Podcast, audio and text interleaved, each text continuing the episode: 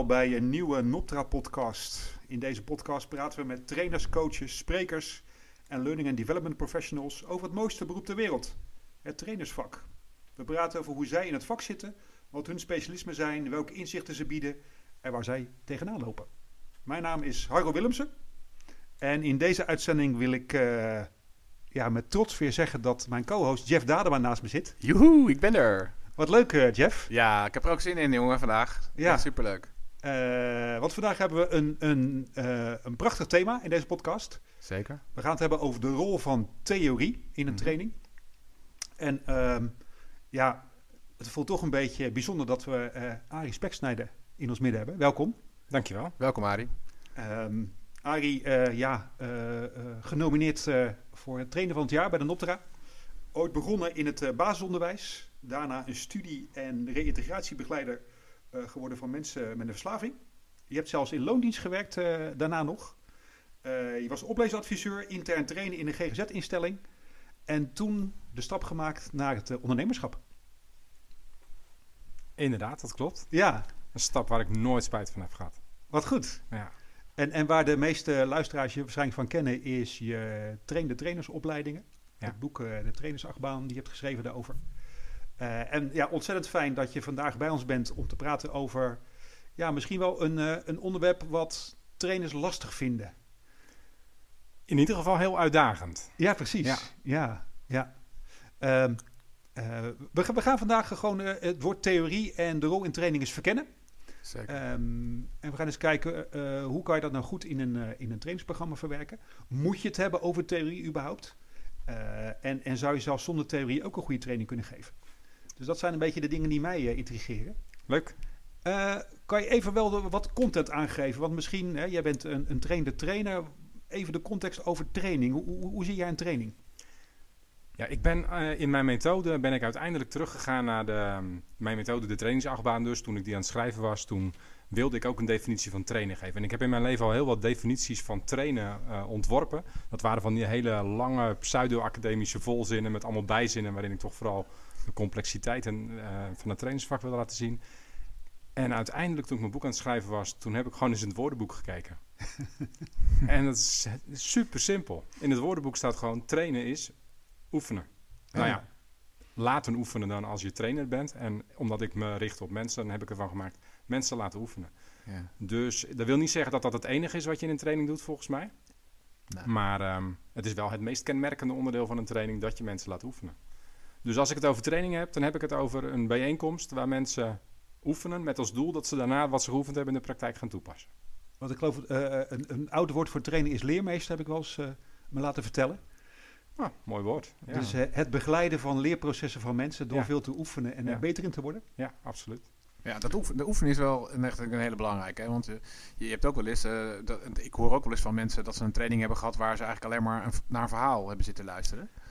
Absoluut. En uh, ja, ik kan me daar niet zoveel bij voorstellen, maar dat, dat, ja. dat gebeurt ook. Ja. En um, dan geef je wel inzichten natuurlijk, dus dat is ook wel heel mooi. Maar dat is wat anders dan trainen ja. natuurlijk, toch? Ja, nou, ik heb training gegeven bijvoorbeeld in motiverende gespreksvoering. Een prachtige coachingsmethode voor, uh, voor de zorg, maar ook, nou, je kan het ook als coachingsmethode gebruiken. En die methode, uh, daar had ik een cursus voor, die bestond, of eigenlijk een leertraject, die bestond uit vier dagen training met heel veel praktijkopdrachten. Hm. En toen sprak ik iemand anders, die had een training motiverende gespreksvoering gehad. Die had een half uurtje uitleg gehad en die zei, en dan hadden ze gezegd, oefenen is niet nodig. Want als je het gelezen hebt, dan weet je het wel, dan kun je het wel.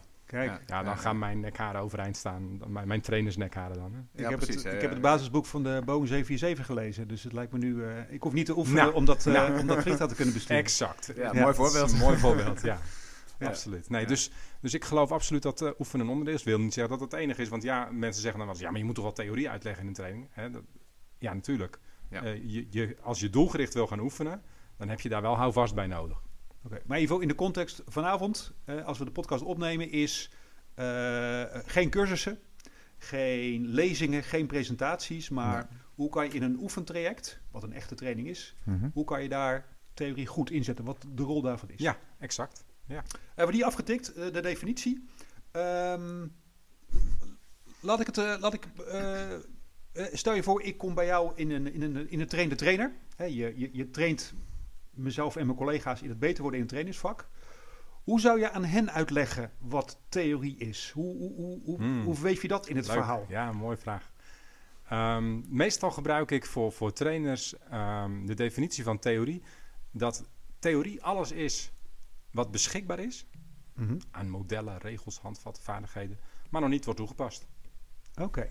Dus theorie is alles wat beschikbaar is, maar wat nog niet wordt toegepast. En de rol van een trainer is het toepasbaar maken. Dus het aanbieden, zodat mensen het uiteindelijk ook kunnen toepassen. Dus ook vaardigheden reken ik tot theorie. Zolang iemand een vaardigheid nog niet beheerst, maar het alleen in een boekje leest, dan is het theorie. Ah, Oké, oké. En ehm, eh, s- eh, je, Ja. je krijgt wat meer ervaren trainers in jouw groepen. Heb je het idee dat zij te veel theorie doen? Of Hmm. te weinig? Of, Ja, leuk. of hoe, hoe, hoe- ja, hoe, hoe, zie je dat? Ja, allebei eigenlijk. Maar de, de, de mensen die bij mij een trainersopleiding volgen, eerder te veel. Oh ja. Dat zie ik toch heel veel terug dat mensen het idee hebben dat eh, wat zij na vier jaar opleiding, tien jaar praktijkervaring eh, allemaal hebben geleerd, dat, dat moet in één middag doorgegeven Ja, worden aan mensen. En ja, dan ga je automatisch proppen en dan ga je heel veel zenden, heel veel theorie aanbieden. Eh, dus meestal wordt er te veel aangeboden. Ik zie een enkele keer dat er ook wel eens te weinig wordt aangeboden. Dan wordt, dan, dat- zijn meer trainers zeg maar, die heel veel ervaringswerkvormen inzetten. Mhm. En eh, wat bewustwording creëren bij mensen. En dan zeggen, nou, succes, de toepassing mag je zelf doen. Oké. Ehm, maar dan is er wel bewustwording ontstaan, maar nog geen houvast. Ik vind, eh, hoe heet die, Koert Lewin, die heeft ooit gezegd... ehm, niets is zo praktisch als een goede theorie. Oh ja. En ja, theorie kan ook echt helpen.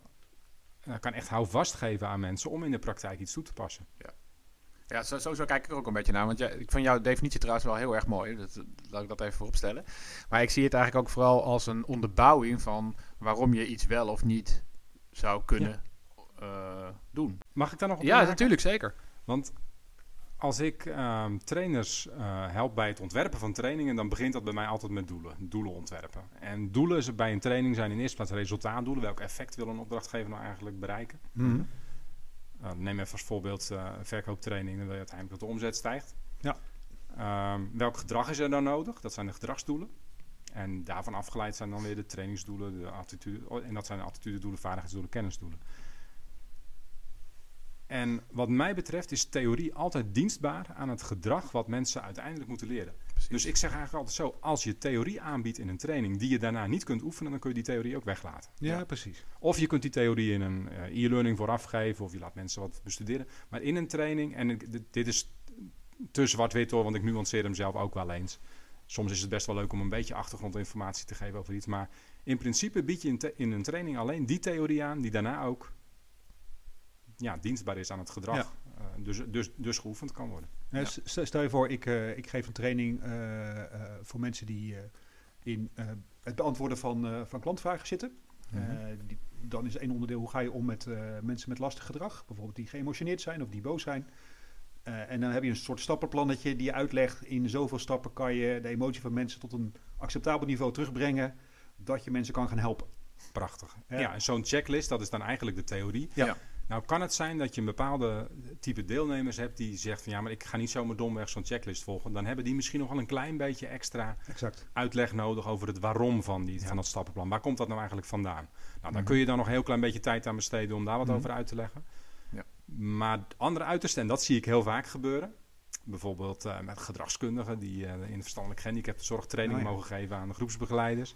En die dan alle theorie over, ik noem maar wat, autisme willen uitleggen. Hm. En verschillende visies daarop, verschillende modellen. Ja, maar dan wordt dat wel juist onduidelijker van uiteindelijk. wordt het Eh, heel moet veel juist on- precies. Die- duidelijk uitgeven. Het moet juist een soort van... want die Toch? groepsbegeleiders die hebben gewoon houvast nodig. Ja, Wat moet ik doen? Ja. Ja. het volgende gesprek met iemand met autisme. ik kan me voorstellen dat dan je reactie is van... Ja, oh ja, nee, en dan doe ik het eigenlijk wel goed. Ja. Toch, of niet?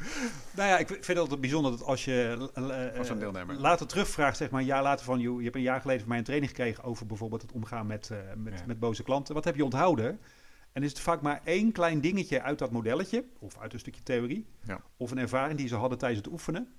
En de gedachten erachter en wat precies die stappen waren, interesseert ze eigenlijk niet zoveel, want ze hebben het geïnternaliseerd Precies. en ze hebben dus kunnen oefenen. Ja.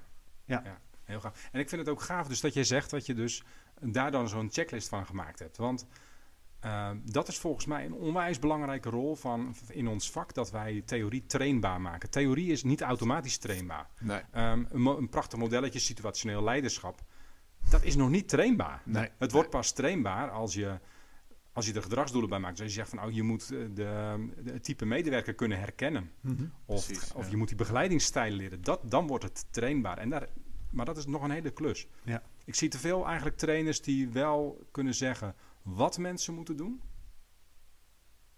Je moet wat empathischer zijn. Je moet wat Oh ja. meer aansluiten. Je, je, je zou wat invoelender kunnen zijn. Maar wat is dat doet- dan? hoe doet dat? hoe je dat dan... nou, maar, maar dat vind ik wel echt... En, Ja, en, ja, en ja. dat vind ik echt onwijs interessant. Want die mensen die die training geven... zijn soms echt expert op hun vakgebied. Ja. Ze voelen zelf heel goed wat ze bedoelen. Precies, ja, ja. Maar je wordt pas een trainer als je het trainbaar kunt maken. Dus als je er een checklist bij kan maken, een stappenplan, wat dan Ja. ook. Als je het concreet kan maken. En Ja, maar daar zeg je trouwens iets anders heel moois. Ik, ik, ik, zit altijd heel erg op gevoel. En ik denk dat het, het gaat ook heel erg over gevoel. Ze voelen het zelf, maar de truc natuurlijk ook is, in, als je traint, dat je het de ander laat voelen. Dat, ze, dat je degene zelf voelt wat er gebeurt of waarom je iets wel of niet moet doen. En daar is die theorie volgens mij ja, ondersteunend aan. Ja, Ik had letterlijk een keer in een trainersopleiding een prachtige situatie dat eh, iemand moest een presentatie geven eh, en daarvoor moesten ze een stuk tekst in blokjes verdelen. En een van die deelnemers die zei tegen die trainer die aan het oefenen was, ja maar waar, hoe, hoe moet ik die blokjes dan verdelen? Waar, waar moet ik dan die, die, die scheiding leggen? Een beetje zo'n wanhopige vraag van ja, dat, dat snap ik nog niet. Ja, ja, zegt die trainer, dat, dat moet je aanvoelen. Waarop die deelnemer echt net zo wanhopig reageert. Maar ik voel nog helemaal niks. Ja. En dat was zo mooi zoals Ja, ze dat zei. Want dat is nou precies de rol van een trainer. Een ervaren iemand, als je ervaren mensen traint, dan kun je best wel zeggen, dan moet je misschien aanvoelen. Hmm. Maar zolang je beginners traint die nog geen, ja, die hebben houvast nodig. En dat Ja. houvast kun jij ze geven. Maar dat is volgens mij de grootste uitdaging van ons vak. Wanneer moet de stuurknuppel omhoog trekken om het vliegtuig niet te laten crashen? Ja, dan moet je aanvoelen. Ja, Liever. eh, Ja, maar dat is, dat is dus inderdaad een belangrijk punt. Ik heb, ik heb heel lang skiles gegeven. Ik ben daar nu al een paar jaar geleden mee gestopt. En dat is natuurlijk een, een hele technische sport. Waar je ook moet voelen. Je moet voelen, wacht eventjes, je- dat je net eventjes wat meer je knie moet buigen. Of net wat meer je druk op je dalski moet zetten. Ik noem maar even wat eh, technische Ja. dingen. Ja, dat, is ook, dat moet je ook voelen. Maar dat is best wel lastig. Je kunt Ja. dat tegen iemand vertellen. Maar dat wil nog niet zeggen dat op het moment dat je dat dan gaat proberen toe te passen. Of daarmee gaat oefenen. Ja, want dat doe je dan natuurlijk heel veel oefenen. Dat je dat dan voelt. Het, het gaat pas werken. En dat heb ik toen ook echt wel geleerd. En, en dat, dat, dat pas ik dus nu ook toe in onze trainingen. Dat eh, het werkt pas als diegene voelt wat je hebt gezegd. En dat is volgens mij letterlijk in alles zo. Ook bij verkopen of Ja. bij lastige situaties. Of bij al die, eh, Ja. bij al die dingen. je, je, kunt En- het, je kunt wel heel veel stappen, denk ik, leren voordat je iets voelt. Ja. Maar daarna moet je het gaan voelen en dan, ga je het, Ja. dan gaat het pas echt landen. En dat is misschien wel interessant als het over de rol van theorie gaat. Want een training kun je uitstekend geven door vooraf zo'n checklist of stappenplan of Ja. theorie aan te bieden. Ehm, maar soms is het effectiever om mensen gewoon eerst wat te laten ervaren. En al Mhm. ervarend eigenlijk de, Ja. de theorie min of meer te ontdekken. Of met behulp van een ervaringsgericht leergesprek de theorie te laten ontdekken achter hun eigen ervaringen. ja, precies. Dus eh, theorie hoeft niet per se aan het begin van een training te zitten. Dat kan ook op een later moment. Het is wel de meest, als, zeker als mensen nieuwe kennis en nieuwe vaardigheden leren die ze moeten toepassen. Dan is het wel de m- meest logisch dat het ergens een beetje wat meer aan het begin van een training zit, de theorie, Ja. dan aan het eind. Maar is het ook niet leuk als trainer dat je inderdaad daarmee kan variëren? Dat je een deel van de training, hè, geef je wat theorie vooraf, ander is meer ontdekkend, ander wat meer reflecterend. Ja. Misschien kunnen ze zelf een checklist op gaan stellen aan de hand van wat ze hebben ervaren en daarop reflecteren met Ja, de theorie van de, van de trainer. dat zijn ook die, die leervoorkeuren van Kolp, toch? Dat je, je ergens toch? In de, er zijn er vier, toch? Dat eh, Ja, ja, eh, sorry. Maar, En dat je dan ergens in kan. Of niet? Of is het- Jawel, Oh, is dat, is dat, Ja. oh, nou, nee, ik weet niet, is dat, eh, nee? Ik weet Nee, niet. nee, nee, goed. Ik, het- Ik ben een groot fan van de leercyclus van Kolp. Ja, ja, Oké. Die zit verwerkt ook in mijn eh, model de trainingsachtbaan. oké. De leerstijlen van Kolp, die kun je beter negeren. Nee, maar daar heb ik het ook helemaal niet over. Het gaat mij meer over. Sommige mensen hebben gewoon de voorkeur om eerst de theorie eh, eh, te kennen. En daarna er wat mee te gaan experimenteren. En, en, en, en daarna het echt te oefenen. Ja. En dan toe te passen en eh, te reflecteren, toch? En, Ja, maar anderen vinden het juist fijn om meteen aan de slag te gaan. Ja. En eh, dan spelende wijs, wat je ook zegt, te ontdekken van, oh ja, zo Ja. werkt het. Het lastige is alleen dat je bij trainingsgroepen eigenlijk per definitie een mix hebt. Dus dat het heel lastig is om dan Ja. aan te sluiten bij zo'n voorkeur. Dus als je de cyclus doorloopt, dat vind ik het mooie aan die cyclus van Kop. Als je die hele cyclus doorloopt, Precies. Dan komt iedereen aan zijn trekken. Ja. En de uitdaging voor de doener is om wat meer te gaan reflecteren. Precies. En om ook de theorie er eens bij Dus te het moet er ook eigenlijk allemaal wel in zitten. Dat Ja, precies. En de denker, die, die zal misschien een zetje nodig hebben om toch wat meer eh, Ja. te gaan oefenen. In plaats van alleen maar eh, langs de zijlijn met een schrijfblokje toe te kijken. Ja, precies. Wat, Mooi. wat, wat, wat, wat zou de theorie zijn over de theorie voor trainers? Dus wat zou het stappenplan zijn om als... Ja, sorry, nu ga ik je meteen eh, misschien voor het blok zetten. Zit meteen te denken, nou, we hebben het nu over theorie voor trainers. Er komen allerlei eh, invalshoeken. Kolp komt binnen, de, de, de Ja. cyclus. Onze ervaringen die we hebben als trainers. Hoe kan je theorie introduceren in onze eigen training? Zou er, zou er zo'n stappenplan zijn hoe je trainers kan leren om om te gaan met theorie? Of zou er een, een theorie zijn daarover? Of is deze vraag te, te meta voor... eh, Oh, ja, die is heel groot volgens mij. Ja, er beginnen bij mij gelijk allerlei ja, dingetjes te ratelen. Dat, nou, kijk, er is wel wat. Kijk, wat ik heel vaak zeg is dat mijn vak gebaseerd is op didactiek en psychologie. mhm. Eh, psychologie als het gaat over eh, gedragsverandering, hoe, hoe, hoe denken mensen, hoe, eh, en, en, ah, maar ook didactiek en psychologie raken elkaar natuurlijk ook alweer. Leerpsychologie. Dus ja, en alles wat er in de psychologie en, en, en, en, en op het gebied van didactiek ontdekt is, ja, dat, dat is nuttig voor trainers. Ja. Maar dat is nogal veel. Dus om- Ja. of je dat in een A4'tje kan, in een checklistje kan eh, vangen. Nee, oké. nee, dat- misschien, misschien hebben we het, het, Nou, het. Nee, maar ik denk dat Adi, de- jij gaf het eigenlijk die definitie al. De, de theorie moet, eh, je moet ondersteunend zijn aan, toch aan datgene wat je wil leren. En eh, alle andere dingen is eigenlijk cut the crap misschien wel. Hè? Ja. Dus eh, laat dat achterwege. Dus Ja. dat, is, dat is misschien wel een hele mooie stelregel. Als je iets wilt trainen, dan moet je, dat, dan is theorie, denk ik, toch? Ik denk dat we wel over eens zijn dat het wel essentieel is om ook te weten waarom is iets zo, toch? Of wa- waarom doe je het nou zo? Wat is nou de theorie Ja. Of hoeft, of hoeft dat niet? Want dat is Nou ja, The- ik, theorie, ik gaf net een definitie die ik vaak aan bij trainers gebruik, maar je zou ook een andere kunnen gebruiken. De theorie is in feite ehm, het resultaat van praktijkonderzoek. Dus door de praktijk te observeren en te Mhm. kijken hoe mensen Ja. verkoopgesprekken voeren, kun je ontdekken wat werkt en wat niet. precies. En ja. die algemene waarheden, die, die abstraheer je uit die praktijk. En daar maak je een theorie van. Dus de theorie is een soort algemene regel, Ja. die vervolgens weer in de praktijk toegepast kan worden. Dus Ja, ja, het, het, het is misdadig, denk ik, om eh, die theorie te negeren. Want ja. dan laat je ook heel veel kennis liggen die, die heel nuttig kan zijn. Ja. De andere kant is, als je doet alsof de theorie altijd en overal de oplossing biedt. Nee, er zijn Nee. wel situaties waar je... Nou, sterker nog, ik denk dat je soms zelf ook een theorie kunt ontwikkelen, Hmm. eh, voortkomend misschien wel uit een eerdere theorie. Nou ja, eh, Dan, eh, eh, het is toch mooi om als trainer uiteindelijk ook je eigen ervaring, je eigen leerprocessen om te kunnen zetten in een stappenplan of in een vier, vier punten, eh, in een klein modelletje. Eh, bedoel, dat is mooi natuurlijk om ook iets achter te laten. Je hebt een achtbaan gemaakt. Nou, daar zitten natuurlijk ook acht momenten in. Absoluut, ja. Ehm, waarschijnlijk heb je dat ooit een keer, zeg maar, terugdenkend van wat heb ik nu gedaan en wat zou slim zijn. Net ga ik wat uitproberen. En uiteindelijk komt er een soort dat je denkt, hé, hey, de stukken vallen op zijn plek. Ja, dat Ja. vind ik prachtig dat je dat zegt. Want toen ik het model aan het ontwerpen was, dat, dat waren echt 60 A4'tjes met tekeningen. Waarbij ik eigenlijk allerlei. Ik, ik had Kolp dus in gedachten. Mhm. Ik had eh, de processen van motiverende gespreksvoering gedaan. Ik had nog wat andere theorieën. Ik had, en ik had heel veel eigen ervaring. En dat, ja, dat ging mee schuiven en rommelen. Totdat er een, eigenlijk een soort nieuwe theorie werd gevormd. exact, ja. Toch? Ja. Ja. En die nog vaak veel beter nog weer is. Tenminste, voor Ja, dat doel geval. waar jij het voor nodig hebt. Ja, precies, eh, ja. Dat, dat, dat is het punt. Ja. Dus- Ik moet zeggen, ik heb, ik heb in de afgelopen 20 jaar, ik ben nu 20 jaar trainer, heb ik denk ik mijn beste modellen die ik heb bedacht, heb ik één keer spontaan, een keer in een groep, Ja. bij een observatie of bij een, eh, eh, bij een feedback, dat ik zei, hé, hey, wat mooi, dan kunnen we hier gewoon even vier letters van maken en dan kunnen we op die manier terugkijken.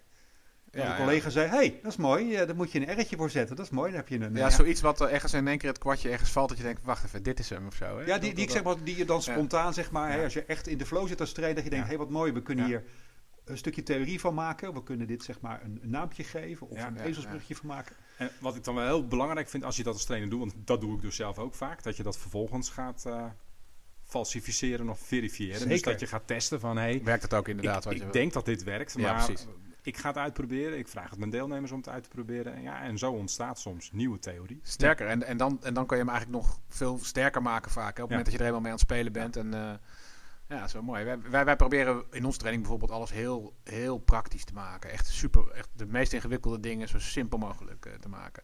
En ik moet meteen denken aan een voorbeeldje dat... ehm, ehm, eh, situationeel leiding geven bijvoorbeeld. eh, dat hele mooie schema, eh, wat ooit door Hershey en Blanchard zijn gemaakt. En tegenwoordig heb je alleen nog Blanchard. Dat is een heel mooi schema, maar het is best wel theoretisch. En het is, eh, ja, hoe kun je dat nou praktischer maken? Dus wij hebben daar eigenlijk vijf persona's ontwikkeld. Die, en die daaraan gekoppeld. Dat is natuurlijk helemaal niet de daadwerkelijke oorspronkelijke theorie. Maar het maakt gewoon ehm, het begrijpen van wanneer doe je nou wat eigenlijk makkelijker. Je hebt een soort Simpeler archetype, een soort archetype een- gemaakt van elk Ja. kwadrant in die zin. Nou ja, nou, niet, het, is, het het gaat wat verder, want het zijn vijf eh, types en, en er zijn maar vier kwadranten. Ja, ja. Dus ik dat maakt het nog- wat de Dus dat maakt het dan misschien weer ingewikkeld. Ehm, en toch merk ik in de praktijk dat mensen dat dus daardoor eigenlijk veel makkelijker snappen. En daarna ook veel makkelijker ehm, de, de, de theorie van het oorspronkelijke model snappen. Eh, om maar even zo te zeggen. Dus je kunt er gewoon dingen simpeler mee maken, denk ik. En het is eigenlijk wel weer een nieuwe theorie. Gaaf. Toch? Ja, leuk. Ja, dat, dat is wel. Ja, dat vind ik ook wel een van de, van de dingen in mijn eigen trainingen. Dat ik tegen mijn opdrachtgever vaak zeg, ik probeer een soort eh, gemeenschappelijke taal te maken in die theorie. Dat we zeggen, eh, niet van dit is het probleem, maar dat noemen we een wit paard. Hè, Ja, ja. In, in communicatie als een wit paard, dan dat snappen deelnemers meteen. En denken meteen, ja, heb ik ooit eens geleerd. Hoor je ook tien jaar later pas terug van dat is het enige wat ik onthouden heb. Maar goed. maar dat is wel dat ze denken, oh ja, dit is nu een, een wit paard in ons gesprek. Hè, dat is dan dat je, dat je, als ik zeg, ik heb een mooie vakantie gehad, heb ik een beeld van een strand en jij van een skivakantie. Hè, dat onze beelden niet kloppen. Als ik zeg, het moet snel geleverd worden, dat jij denkt, eh, nou, dat, eh, dat is voor mij volgende week en ik denk, eh, dat is morgen. En er zit dan een verhaaltje onder dat het als bijvoorbeeld een wit paard is. Maar goed, dat is vaak het mooie van de theorie, dat dat ook haakjes zijn. Dat ze kunnen zeggen, oh ja, wacht even, daar zat die stap achter. Exact. Dat was de, de insteek, Ja. dus zo moet ik het aanpakken. Het, Ja. het helpt ze om ook weer dat stapje te maken richting de praktijk. Absoluut. Ja. en daar gaat het mij uiteindelijk om. Want ehm, ik vind dat wij de kwaliteit van trainingen veel te veel laten afhangen. Ik, ja, wij, het zal vast niet voor iedereen gelden, maar goed, veel trainers laten het afhangen van wat er op een smile sheet aan het eind van de dag wordt, wordt ingevuld. Oh, ja. En het leuke is dat het onderzoek blijkt dat de tevredenheid van deelnemers gewoon helemaal niet afhankelijk is van het leerresultaat. Dus dat mensen weinig geleerd kunnen hebben in een training en toch heel tevreden kunnen Ja. zijn. Klopt. Dus wat mij betreft meten we de kwaliteit van een training eh, aan de mate waarin het wordt toegepast in de praktijk wat mensen Ja. geleerd hebben en het effect daarvan op Exact. nou ja, Ja. Ja. de klant of de omgeving. Hey, ehm, eh, eh, je, hebt, je, je hebt een boek geschreven, eh, Acht mooie stappen. Eh, stel je voor, ik ben beginnend trainer. Ik, eh, ik, eh, ik ben bezig om dat vak in de vingers te krijgen. Misschien ke- ken ik een bepaald onderdeel heel goed. Eh, ik ben manager geweest of ik, eh, ik werk in een GGZ-instelling en ik moet bepaalde mensen vaardigheden aanleren. Eh, wat zijn wat, wat, wat goede tips om theorie te verwerken in je, in je programma? Hoe, eh, hoe, zou je mij eh, zeg op weg kunnen helpen? Ja. Ehm, door niet met je programma te beginnen, door niet met de theorie te beginnen, maar door met de praktijk te beginnen. Dus te kijken naar de deelnemers die in jouw praktijk zitten. Ehm, en te kijken van welk gedrag moeten die mensen laten zien. Als je dat helder hebt, dan formuleer je dat in de vorm van een gedragsdoel. Uh, hoofdstuk 4 voor degene die het leuk vinden. Uh, en op het moment dat je dat gedragsdoel geformuleerd, geformuleerd hebt, dan kun je dus met mensen in gesprek gaan. Wat hebben ze daar dan nog voor nodig? Welke kennis, welke vaardigheden, welke attitudes wellicht hebben ze nog nodig om dat gedrag te kunnen laten zien? En dan weet je welke theorie je kunt selecteren om dat doel te bereiken. Okay. Dus het is heel lastig om daar in het algemeen vooraf wat uh, over te zeggen. Ik, ik, ik vind het. Het maar de, de, de tip is dan begin niet bij de theorie. Ja, precies. Maakt begin... die, maakt die ondergeschikt aan precies, begin dat gedragsdoel. Gedrag. Daar komen be, be, bepaalde stappen uit. En ga daar eens kijken wat past er voor theorie bij. Ja, en als je dan uh, zeker weet dat bepaalde theorie dienstbaar is aan dat gedrag, uh, dan kun je dat vervolgens in de vorm wat ik dan noem loopings gaan aanbieden. Een looping is eigenlijk een soort cyclus van theorie aanbieden, uh, verwerken en oefenen, feedback en reflectie, weer wat aanbieden. En in kleine stapjes al loopings uh, makend uh, werk je dan toe naar het uiteindelijke gedragsdoel. Ja. Oké, okay, dus ik, ik, begin eigenlijk uit te vragen, joh, de medewerkers van een opdrachtgever hebben nu gedrag, gedrag X, dat moet gedrag Y worden. Dus moet een bepaalde verandering moeten ze doen, of ze moeten een ander gedrag laten zien. Dat wordt het doel. Hoe, hoe, ga ik daar komen? En daarna ga ik eens kijken wat voor theorie past erbij. Exact, ja. Oké. Okay. Ja. En ja, wellicht klinkt dit voor ervaren trainers en voor jullie ook wel een soort heel logisch. Nou, nou eerlijk maar, gezegd, ik, ik trap in de valkuil. Omdat ik al heel lang programma's maak, dat ik denk, oh ja, dat heb ik daar gedaan, heb ik daar gedaan, heb ik daar gedaan, daar gedaan. Nou, ik veeg dat bij elkaar en ik heb al een goed programma en de rest improviseer ik wel. Ja, dat is op zich niet erg als mensen, als de opdrachtgever natuurlijk zegt van, uh, wij willen een bepaalde methode leren. En neem nou bijvoorbeeld, ik vertelde net iets over motiverende gespreksvoering, is echt een fantastische coachingsmethode. Ja, daar zijn gewoon boeken over, die is evidence-based, dus klanten vragen gewoon, mm -hmm. Wil je mijn training motiverende gespreksvoering geven? Dus dan zou je kunnen zeggen, dan staat de theorie wel centraal, dat is namelijk die methode. Ja. Maar zelfs dan nog ga ik met de opdrachtgever kijken. Ging ik, want ik geef die trainingen nu niet meer. Kijken van, maar oké, in welke context moet het dan toegepast worden? En heel leuk, als het gaat om het selecteren. Ehm, ik had toen voor die methode een hele set gedragsdoelen gemaakt. Opdrachtgevers willen altijd alles. Hoorde ik in de vorige podcast ook. Ja, zeker. Willen alles in zo min mogelijk tijd. Ja. En wat mij betreft kan, kan ook alles. Alleen ik laat dan zo'n hele set doelen zien. En dan vraag ik, dat doe ik trouwens ook met trainers. Dan laat ik gewoon het competentieprofiel voor trainers zien. En dan zeg ik, nou, zeg het maar. Ja. Eh, hier hebben we een halve dag voor nodig, daar een hele dag, daar drie dagen. En, en dan zo praat het met de opdrachtgever, kiezen we de doelen uit. Dus niet vraag ik, vraag ik niet welke theorie wil je behandeld hebben of, of waar moet ik het over hebben. Want dat behandelen Ja. vind ik niet zo interessant. Het gaat mij om welke doelen wil je bereiken. Ja. En op basis van die doelen kan ik vertellen hoe het programma eruit Bijna ziet. een soort menukaart die je voorzet van... Ja. Ja, we, ja, Ja. we, we hebben 16 dagdelen aan doelen die we, die we, Exact. die we kunnen halen. Ja. Dit programma staat vier, vier dagen, dus Ja. we kunnen acht van die elementen... Maar feitelijk doe jij dat toch ook op het moment dat jij denkt, eh, als jij je programma aan het maken bent, je denkt, oké, ik, ik gebruik dat daar, heb ik daar een keer ontwikkeld, dat heb ik daar gedaan. Eh, dat, je bent ook aan het zoeken naar hoe kan ik dat doel bereiken en welke dingen, elementen die ik misschien al eens een keer heb ontwikkeld of die ik eh, in mijn, eh, ja, in mijn assortiment heb, kan ik hier inzetten om dat doel te bereiken. Dus dan doe je eigenlijk het feitelijk- Zeker, ja. Maar ik, ik merk wel dat, dat ik, ik leun heel sterk op mijn ervaring. Ja. En op het moment zelf ook. En die theorie, die haal ik meestal... Ja, die zit zo in mijn hoofd en mijn rugzak. Ja. Daar hoef ik niet over na te denken. Ik kan dat modelletje wel gewoon lekker eh, opschrijven als het, als het nodig is. Maar eh, ik merk zelf dat ik die doelen toch niet altijd even Mm. sterk uitvraag. Zeker als Mm. klanten zeggen... Ja, eh, mijn sales team moet weer eens twee dagen lekker beter gepakt worden. Ja, ja. De omzet moet omhoog, het aantal afspraken moet worden vermeerderd. Dan denk ik, nou heb ik wel wat, wat mooie instrumenten voor. Ja. Ja, ja, ja. Dus dat, maar dat is een beetje mijn eigen valkuil, zeker omdat je al heel veel weet of heel veel hebt gedaan. Ja. Dat de stap terugmaken naar wa- wat is nou eigenlijk nodig als gedragsverandering of als gedragsdoel, dat ik die wel eens laat zitten. Ja, ja en ik, ik zie dit vooral heel sterk ook bij ehm, eh, beginnende trainers. En dan met name trainers die dus trainer worden vanuit heel veel inhoudelijke expertise. Die hebben heel erg sterk de neiging om de theorie, de modellen die ze kennen, om die als uitgangspunt te nemen in plaats van het gedrag. Ja, laat ik eh, alles vertellen over Power BI.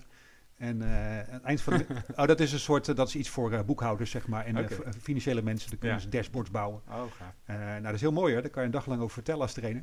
Ja, Eh, maar eigenlijk wil je dan zeggen, joh, welk gedrag moeten ze doen? Hoe leer je dat bouwen? Laten we vanaf een kwartier na het voorstelrondje, eh, laten we dan meteen ook beginnen met Ja. een, cockpit, cockpit bouwen, zeg maar. Ja. Ja.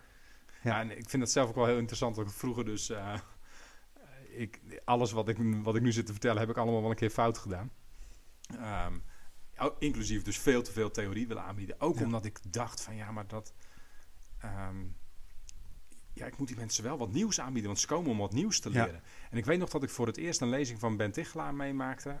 Echt 15 jaar geleden of zo. En eh, dat ik hem dingen zag presenteren waarvan ik wist dat er hele theorieën achter zaten en hij liet ze gewoon weg. Oh ja. Hij maakte het gewoon in een one-liner en een praktische opdracht.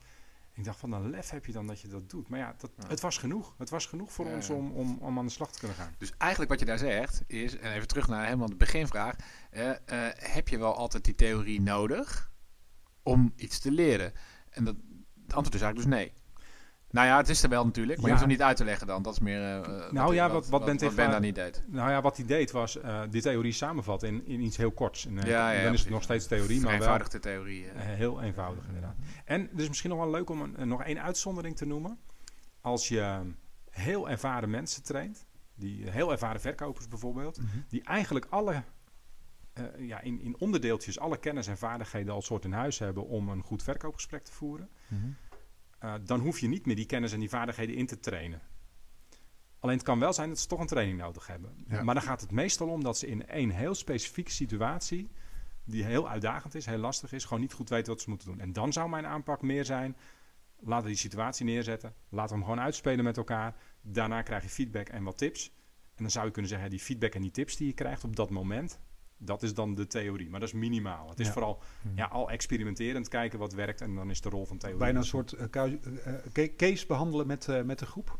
Zij brengen bijvoorbeeld een Ja. casus in en die gaan we met z'n allen doorlopen. En ik reflecteer als trainer op dat proces. Maar dan wel experimenterend. Dus Experimenterend, echt precies. uitproberend. Uh, oefenend zou je kunnen zeggen. Maar ja, de hoeveelheid handvatten die je dan biedt is echt minimaal. Uh, zijn over het algemeen de handouts te dik die we, die we achterlaten bij trainingen? Ik had, ik had vroeger een, een, een oud collega, die, eh, die is al nu in de tachtig, die, eh, die zei altijd, ik doe eh 12 punts. Eh, de helft vul ik van een blad, want dan heb ik een lekkere dikke map die ik kan achterlaten. Dan heb je niet wat Ja, gevoeld dat ze wat gehad hebben. Ik had vroeger een leidinggevende die zei, Arie, zo- als jij geen eh, syllabus geeft bij een training, dan is het geen echte training. Zo van, ja, en ik liet mensen vooral oefenen. Dus ik zei, ja, weet je, dat, dat, dat heb ik niet. Maar Ja. Nee, ja, ik, ik probeer het zo kort mogelijk te doen. En, maar ik gun ook trainers hun eigen proces daarin. En Mhm. eh, zoals ik het mezelf trouwens ook gun, dat ik in het begin vaak te uitgebreid ben. Als ik een nieuwe training ga geven, dan bied ik vaak te veel aan. En dan de volgende keer schrap ik wat en de volgende keer schrap ik wat. En uiteindelijk kom ik uit op iets waarvan ik denk, ja, dit is volgens mij het allerbelangrijkste. Nou ja, kijk, wij, wij hebben jarenlang, en eigenlijk, we doen het bij sommige trainingen nog steeds wel, dat we met een eh, werkmap met, eh, waar ook de theorie eh, in staat. Niet dat we het allemaal van A tot Z behandelen, maar het is wel een soort van naslagwerk. Ik kan het al, altijd nog achtergronden lezen enzovoort. Maar daar zijn we eigenlijk vanaf gestapt nu. Zeker met onze, met onze capability trainingen krijgen ze een heel mooi boekje waarin we ze zelf de aantekeningen laten maken. Want het is namelijk veel sterker als je zelf dingen opschrijft dan als je dat allemaal al, ja, eigenlijk op een presenteerblaadje eh, aanbiedt. En het, ver, het, het geeft ook meteen de mogelijkheid om nog praktischer te werk te gaan, zeg Ja. maar. Dus dat, eh, en dat, ik moet zeggen dat dat mij dat heel goed bevalt. Dus dat Ja. is echt wel een, eh, Oh, leuk. een tip om, eh, ja. Ja, Om- ik, om ik was vorige week bij een, eh, bij een groep, had ik een laatste training en daar zag ik in de hoek eh, zag ik een eh, doos staan. Er zaten vier mappen in. En die had ik daar, de, de- hadden ze daar de, de vorige training neergezet. En eh, ze waren heel enthousiast, wat dingen toegepast, veel geleerd. Eh, ik had ze wat begrippen ook meegegeven, gingen ze echt toepassen, maar die mappen stonden nog steeds onafgeroerd. Ja, Eh, eh, drie weken later in de hoek, ja. Ja, maar hetzelfde is ook wel dat ik heb ook wel eens ergens dat dan kom je ergens en dan komt er in één keer een map van eh, tien jaar geleden of zo uit de kast. Ja, hij is, ik heb hem hier nog steeds. Ik kijk er ook nog wel eens Ja, in. en Zo. dat Dat, dat, hoor ik ook wel eens. Dat is de andere kant. Hè. Dus het, het gebeurt beide, denk ik. Ja. Het is, eh, Ik geef de theorie ook eh, bijna altijd wel in de vorm van checklisten of een reader of wat. Maar, maar ja. het scheelt wel. Een leuk voorbeeld, ik heb nu een training, eh, ik noem hem ook wel interactielab. Dat is voor ervaren trainers dat je gewoon mag experimenteren met bepaalde interactiesituaties die je uitdagend vindt. En vroeger gaf ik dan echt een checklist en dan gingen mensen met die checklist oefenen. Tegenwoordig doe ik het ook vaak. eh, we zetten de situatie neer. Eh, probeer het maar uit. Ja. Mhm. Dan kijken we even met de checklist ernaast. Wat doe je al? Oké, nou, volgens mij is dit de belangrijkste tip. Eh, ga die nog maar een keer uitproberen. Eventueel Ja, nog een tweede tip erbij. En achteraf krijgen ze dan de theorie nog mee, zodat ze het eh, nog eens een keertje na kunnen lezen. Ja.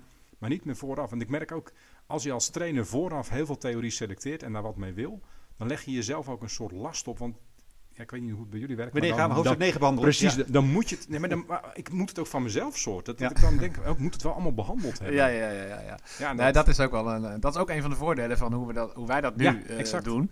Eh, dat is nu tot nu toe bij één soort training, maar dat gaan we echt wel uitbreiden met andere dingen. Dus dat bevalt echt, eh, echt supergoed. leuk. Ja. Misschien een, een, een laatste vraag. We hebben allemaal in ons leven ook heel veel training en theorie gehad. Wat is het, het, het een van de allereerste modelletjes of stukjes theorie die je nog kan herinneren die je ooit een keer gehad hebt? Ik zat er net ook even aan te denken, wat heb ik ooit geleerd in, in mijn eerste training? Ik was toen jonge verkoper, ik was 21. Ehm, kan je nog iets terughalen wat, wat je dacht, hey, die zit nog ergens met een kleine haakje in mijn neocortex of in mijn amygdala vastgeklonken, die nog zou kunnen, kunnen terughalen? Poeh. Ja, dat is